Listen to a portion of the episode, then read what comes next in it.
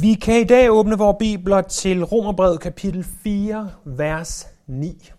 Romerbrevet kapitel 4, vers 9. Her skriver Paulus, Gælder denne salig prisning nu kun de omskårne eller også de uomskårne? Vi siger jo, troen blev regnet Abraham til retfærdighed. Hvordan blev den tilregnet ham? Efter at han var blevet omskåret, eller mens han endnu var uomskåret? Ikke som omskåret, men som uomskåret. Omskærelsen fik han som et tegn og som et sejl på den retfærdighed ved tro, som han havde, inden han blev omskåret, for at han skulle være fader til de uomskårne, som tror, for at retfærdigheden også skal tilregnes dem.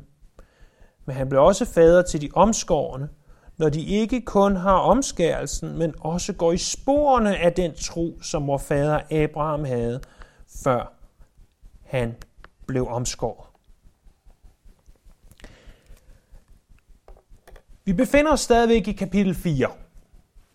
Og kapitel 4 er en forklaring af, at frelsen øh, ved tro eller gennem tro ved noget ikke er noget nyt. Så var det også på Abrahams tid. Og derfor har vi de sidste par søndage beskæftiget os med Abraham, og med at Abraham også blev frelst ved tro. Øh, vers 9 til 17 viser os, at frelsen er af noget. Hvorimod vers 1 til 8 viste os, at frelsen er af tro. Så vers 1-8, frelsen er af tro. Vers 9-17, frelsen er af noget. Mere specifikt, hvis vi inddeler vers 9-17, så vil vi i dag se, at den er ved noget, ikke ved omskærelse. Det er vers 9-12. Og så vil vi se i vers 13-15, at den er ved noget, ikke ved lov. Og i vers 16 og 17, at den er ved noget alene. Så det er det, som ligger foran os. Det vi altså i dag skal se på er, at frelsen er ved noget, ikke ved omskærelse. Vi kan stille tre spørgsmål. Det første, det får vi svaret på i vers 9, og det spørgsmål det er, hvem gælder saligprisningen? Saligprisningen, den læser vi om i vers 7 og 8. Det var der, hvor David han sidste gang skriver den her salme, hvor han siger, salig eller lykkelig er de mennesker, som, hvis overtrædelser er tilgivet, og hvis synder er blevet skjult. Lykkelig de mennesker, som Herren ikke tilregner synd. Så hvem gælder den her salige prisning? Hvem, gælder det, hvem er det salige menneske? Hvem er det lykkelige menneske? Hvem er det menneske, der er tilregnet retfærdighed? Hvem gælder det? Er det kun de omskårne? Er det kun jøderne? Eller er det også de uomskårne? Er det også dem, som er hedninger, eller med andre ord ikke jøder? Gælder det alle, eller gælder det kun jøderne? Det er ikke et så irrelevant spørgsmål, som du og jeg måske kunne finde det. Jeg, øh, Daniel, en hedning, der taler til jer i dag, hedninger, ikke jøder, øh, har svært ved at forstå det her. Men prøv at transportere jer 2000 år tilbage i tiden. Prøv at tænk på, at jøderne de havde et helt, helt andet syn på det her, end du og jeg vi har. Hvis nu vi citerer et par skrifter, der er uden for Bibelen, det er, det er ikke fordi de er bibelske, det er ikke fordi de er en autoritet, det er fordi de er historiske kilder på linje med Herodot eller Julius Caesars værker øh, eller andre historiske kilder. Hvis vi citerer de her kilder, så prøv at høre, hvad, der, hvad man troede dengang var sandt. Ikke at det var sandt, men man troede, det var sandt. Der står i et af de apokryfe skrifter, alle, der bliver født, hvem ikke omskæres på den 8. dag, tilhører ikke pakten, som Herren stiftede med Abraham. Der er en rabbiner, der hedder Menachem, der skrev, hvor rabbinere har sagt, at intet omskåret menneske skal nogensinde se helvede. Og en anden, Yalkut Rubem, har undervist, at omskærelse frelser for helvede, og sådan kunne vi blive ved. Øh, vi kunne blive ved med at sige, jamen det var det jøderne troede, og ikke bare ud fra historiske kilder uden for Bibelen. Selv fra Bibelen kan vi se, at det her var sandt. For hvis vi læser Apostlenes Gerninger kapitel 15, så ser vi, at apostelmødet, som det her kapitel handler om, det handler om netop det spørgsmål. at nogle endda kristne, jødekristne, sagde, jamen nye kristne, uanset hvor de måtte komme fra, og vi accepterer nu, at der måske er hedninger, som bliver frelst. Hvis de hedninger bliver frelst, så bliver de nødt til at lade sig omskære for at være sande kristne. Det er også det, som Paulus han skriver om i Galaterbrevet kapitel 5, vers 1-12 i særdeleshed. Hvor at sådan var det også i Galatien, at nogen kom ind og sagde, at hvis man ikke lader sig omskære, så kan man aldrig blive en kristen. Men både på apostelmødet i Apostlenes Gerninger 15 og i Paulus' skrift i Galaterbrevet kapitel 5 gør han det klart, og gør de det klart, at omskærelse i sig selv er ikke en nødvendighed for at blive frelst.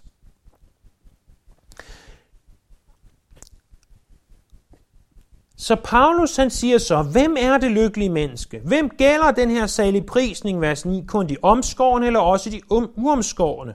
Og så vender han tilbage til sit argument fra vers 3, at troen blev regnet Abraham til retfærdighed, som jo altså er et citat tilbage fra 1. Mosebog, kapitel 15, vers 6. Så han siger, at troen blev regnet Abraham til retfærdighed. Vi har nu stillet spørgsmålet, er det kun de omskårne, eller er det også de uomskårne? Jamen, hvornår var det egentlig, at Abraham han blev omskåret? Det er vores andet spørgsmål. Det får vi svaret på i vers 10. Hvordan blev den tilregnet ham, altså retfærdigheden? Hvordan blev retfærdigheden tilregnet ham? Eller vi kan også sige, hvornår blev retfærdigheden tilregnet ham? efter at han var omskåret, eller mens han endnu var uomskåret? Svaret er ikke som omskåret, men som uomskåret. Ganske interessant, ganske interessant. Fordi Abraham bliver omskåret i 1. Mosebog kapitel 17. Der ser vi, at omskærelsen bliver lovet Abraham som et evigt tegn på pakten, og det evige tegn, det er altså som sagt omskærelsen. Vi ser i vers 24 af kapitel 17 af 1. Mosebog, at Abraham var 99 år gammel, og at Ishmael var 13 år gammel. Hvis vi så går to kapitler længere tilbage, til kapitel 15, vers 6, hvor at Abraham bliver regnet retfærdig på grund af sin tro, så ser vi, at det er før Ishmael overhovedet bliver undfanget. Det vil sige, der er minimum 14 år imellem kapitel 15, vers 6 og kapitel 17.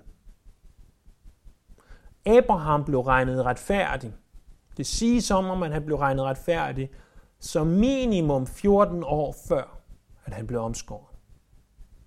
Øh, det kræver ikke det store matematikgeni for at kunne sige, øh, blev han omskåret før eller efter Nej, blev han regnet retfærdig før eller efter han blev omskåret? Før. Før han blev omskåret. Så omskærelsen var med andre ord ikke nogen nødvendighed for hans tilregnede retfærdighed.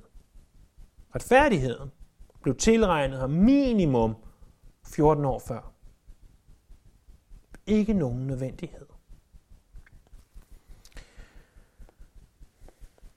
Så er der det tredje spørgsmål, vi kan stille. Hvis omskærelsen ikke regner ham retfærdig, hvis det ikke hjælper noget, hvorfor i alverden er den så stadigvæk givet? Hvorfor skulle han omskæres og gennemgå det, den stakkelsmand som 99-årig, hvis det ikke hjælper? Det er det, vi får svarene på i vers 11 og i vers 12. Her står der, at omskærelsen fik han som et tegn og som et sejl. Hvad er et tegn? Jo, et tegn, det kender vi og forstår vi måske bedst egentlig i virkeligheden i form af et skilt. Øh, når du kommer kørende på Hillerød motorvejens forlængelse, så er der et skilt, der viser et billede af Frederiksborg Slot. Forestil dig, at du var turist fra lad os bare sige, Kina, og du flyver ind i Københavns Lufthavn og tager en bus op ad Hillerød motorvejens forlængelse, og du ser skiltet, hvor der er en afbildning af Frederiksborg Slot. Du har set tegnet, at nu er vi der snart. Og din øh, guide så siger, tag 10.000 billeder af skiltet, det plejer vi jo at gøre, og så vender vi ellers om og lige laver en, en runde og kører tilbage igen. De stakkels kinesiske turister kan være glade for, at man ikke længere bruger Kodak-film, hvor hver billede koster mange penge, men de kan være triste over, at de ikke så selve objektet, men at de kun så tegnet. De kun så skilt. Skiltet er ikke, tegnet er ikke selve substansen. Det peger hen til. Det viser os vejen. Vi ser, at det er den vej. Vi er ved at være der.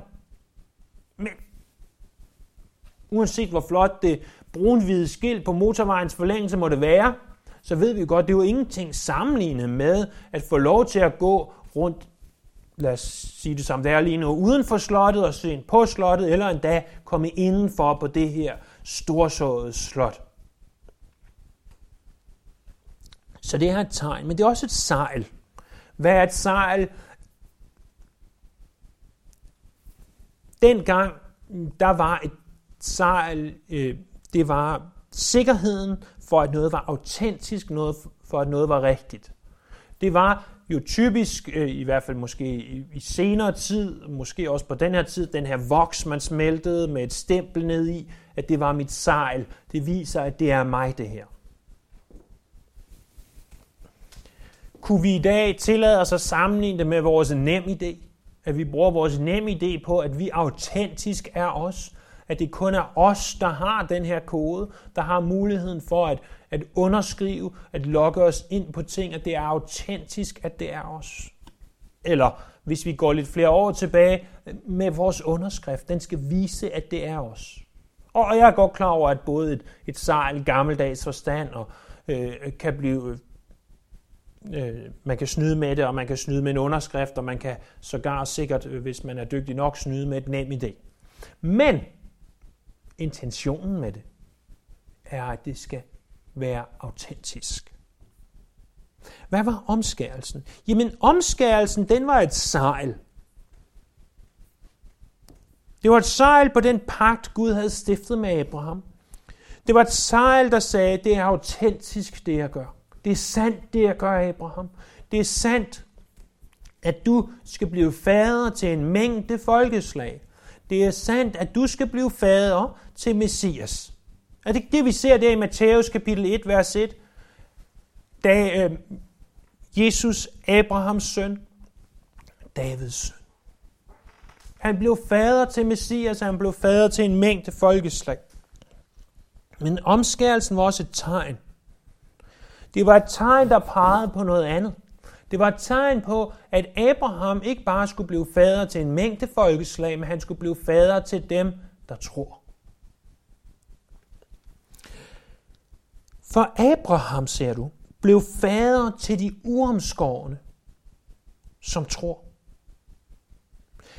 Vi er hans børn. Vi er Abrahams børn. Fordi Abraham var den første, om hvem der står, at han troede. Abraham var ikke den første, der troede. Abel troede. Noah troede. Og Abraham troede. Men Abraham er den første, om hvem der står i første Mosebog, at han troede.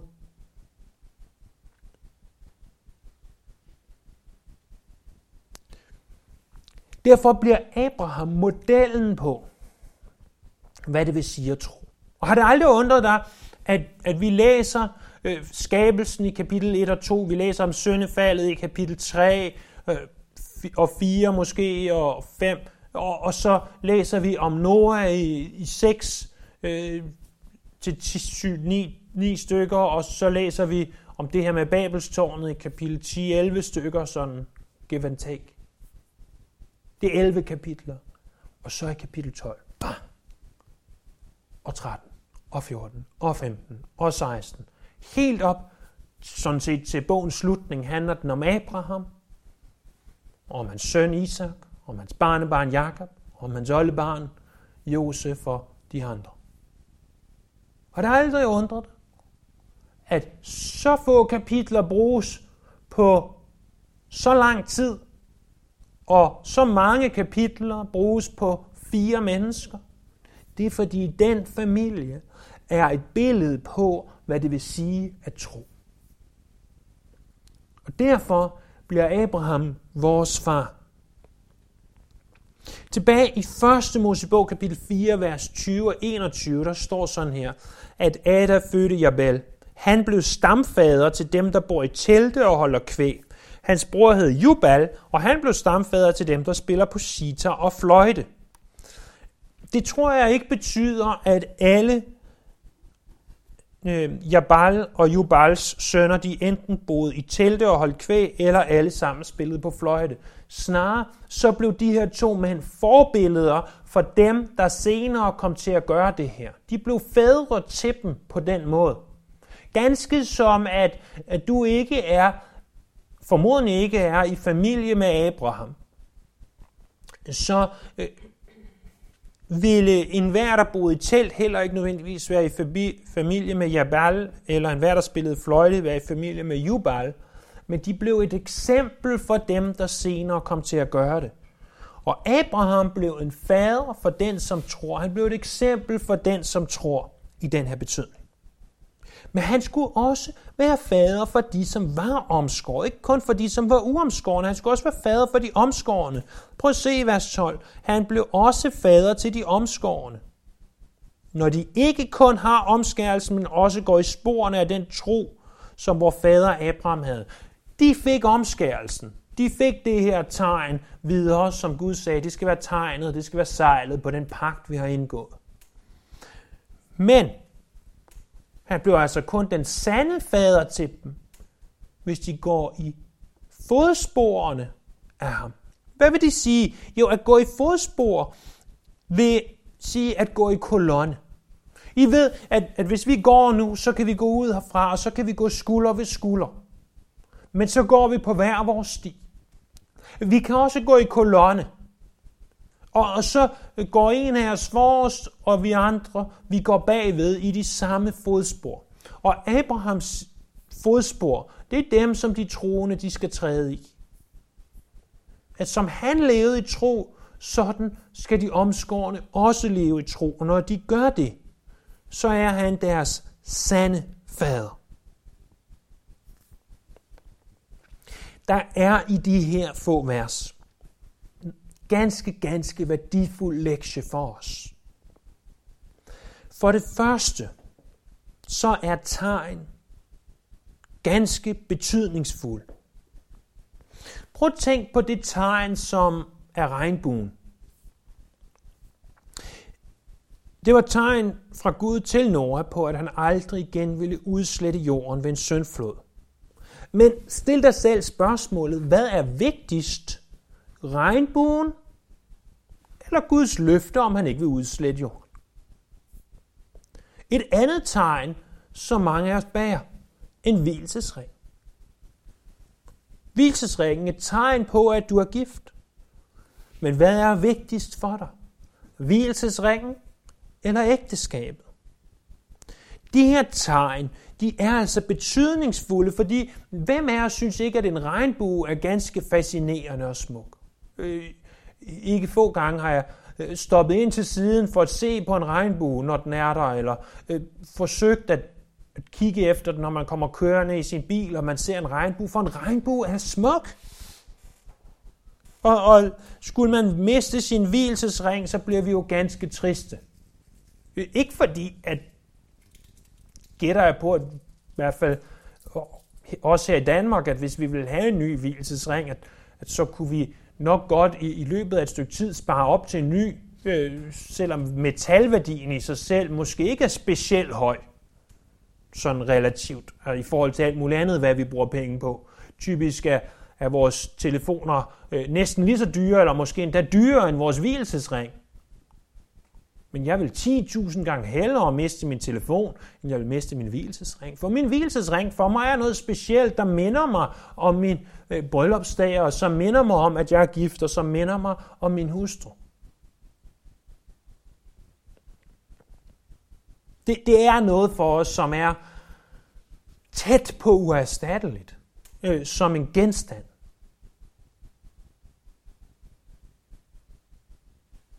Men vi ved jo godt, hvad der er vigtigst. Det er jo ikke øh, hvilesesringen. Jeg vil så igen 10.000 gange hellere miste min hvilesesring, end jeg vil miste mit ægteskab. Og, og, og kan, kan I se, at, at selvom om det er et tegn, det er betydningsfuldt. Vi må ikke undervurdere betydningen af de her tegn. Men vi må stadigvæk holde fokus og sige, hvad er vigtigst? Vi må aldrig, aldrig undervurdere eller overvurdere et tegn. Fordi er, vi ikke, er det ikke sandt, at vi som kirke er givet et andet tegn, nemlig dåben? Og der har vi på den ene side en gruppe af kristne, der siger, at dåben frelser os.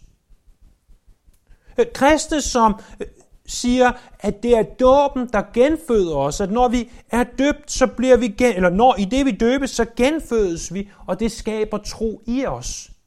Det er altså at gå for langt, hvis du spørger mig. På den anden side har vi andre kristne, som siger, at dåben, det er nærmest ligegyldigt. At de tager slet ikke stilling til dåben. Og at de ikke engang sikrer sig, at de er døbt som Bibelen befaler os at være det. Og det leder mig til min sidste pointe om det her. At der er altså intet tegn eller nogen som helst ceremoni, der frelser os. Omskærelsen frelser os ikke. Du kan blive omskåret lige så mange gange, som det var muligt. Du kan blive døbt hver eneste dag. Fra nu af til den dag, du dør. Det frelser dig ikke. Du kan blive døbt ved at få vand sprinklet på dig. Du kan få, blive døbt ved at blive døbet i vand i Jordanfloden, i Dødehavet, hvis du tør, i Genesaretsø, i Middelhavet, i Østersøen, alle de steder, du vil. Du kan få en biskop til at døbe dig, du kan få en præst til at døbe dig, du kan få en pastor til at døbe dig, du kan få en rabbiner til at døbe dig, og en buddhist til at døbe dig, og alt muligt. Hvad du kan finde på af vanvittige ting. Alt det frelser dig ikke. Paulus går så langt i Galaterbrevet, han siger, jer der tror, I skal omskæres for at blive frelst.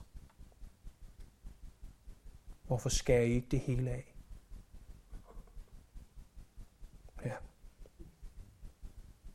Men uanset hvor meget det måtte smerte os og, og få os til at tænke, hvor grotesk det er, at Paulus vil sige sådan, så siger han det for at provokere.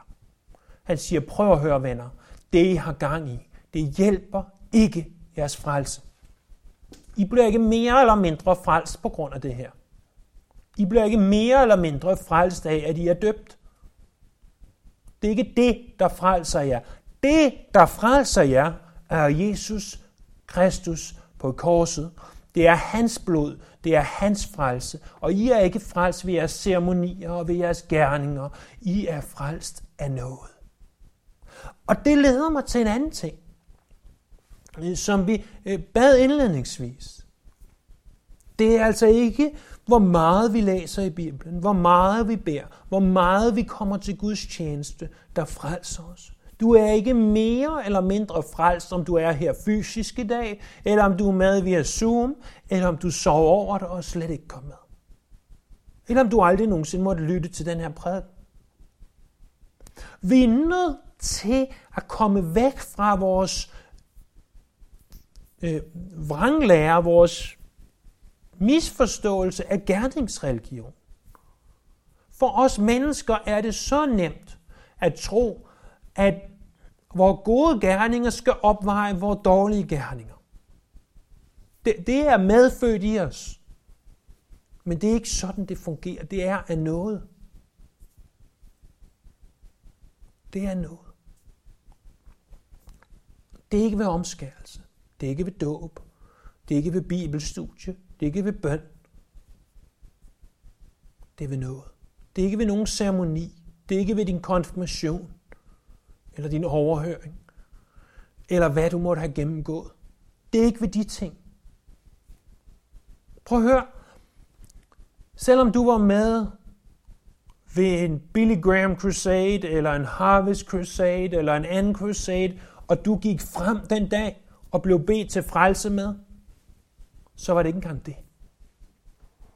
Det er ikke det, der frelser dig. Det er ikke engang din tro, der frelser dig. Det er Gud, der frelser dig. Du modtager det blot ved din tro. Hvis vi ikke er frelst ved en ceremoni, hvis Abraham kunne frelses, før han blev omskåret, før gerningen, før ceremonien, så må frelsen altså være ved noget. Jeg ved godt, at vi prøver at slå det her fast med syv tommer søm. Jeg ved godt, vi bliver ved og ved og ved og ved. Men det er fordi, hvis du ligner mig bare den mindste smule, så er du mere tyk hoved end en elefant og et næsehorn til sammen. Du forstår det ikke. Må, måske aner du det i dit hoved, men ikke i dit hjerte. Vi er nødt til at acceptere det her i tro, ikke øh, alene med vores forstand. Det er nødt til at gå igennem forstanden, men det er nødt til at gå ned til vores hjerter. Og venner, når vi forstår, at vores frelse er af noget, og kun af noget, så kan vi ikke andet end at tilbede og prise og ære vor Gud. Der er ikke noget, du kan gøre. Han har gjort det hele. Der er ingen ceremoni. Ingen gerning. Der var én gerning, der tæller. Det var døden på korset. Og må vi blive ved med at vende tilbage til det. Det er evangeliet. Det er de gode gerninger. Det er det, som du og jeg har behov for at høre, søndag efter søndag efter søndag. Så det lever i os, så det ånder i os. Så at når vi går ud herfra igen, og træder ud af kirken ind i verden for at være verdens lys, for at være jordens salt. At evangeliet må boble over i os. At vi må være ude af stand til at holde det tilbage. Så vi simpelthen ikke kan lade være med at fortælle vores naboer, vores venner og vores familie. Der er en Gud i himlen. Og han ønsker at frelse dig. Men der er ikke noget, du kan gøre andet end at modtage. For han har gjort det alt sammen. Det er noget, det vil tro, det er ikke ved omskærelse. Lad os bede. Himmelske Far, skaber Gud, vi kommer til dig i Jesu navn ved Helligånd. Og vi beder, at de her sandheder, de må blive så forplantet i os, de må blive så en del af os, så hvis, som vores lærer sagde, dengang vi gik i skole, at hvis vi blev vækket midt om natten, så må vi vågne op og sige, det er gennem tro ved noget. Det er gennem tro ved noget. Det må blive så stor en del af os. At det må boble over. At vi aldrig må glemme det. At de her her ganske specielle søndage, hvor vi sidder ganske få mennesker her til Guds tjeneste, og de fleste er med online hjemmefra. Det må blive søndag, vi husker, så det her vi forstod noget med vores hjerter. Tal her. Rør ved vores hjerter nu. Kom, Helligånd. gør et værk i os. Vi priser dig, vi ærer dig, og vi lover dig, almægtige Fader. For du er stor, du er mægtig, du er vidunderlig. Amen. Amen.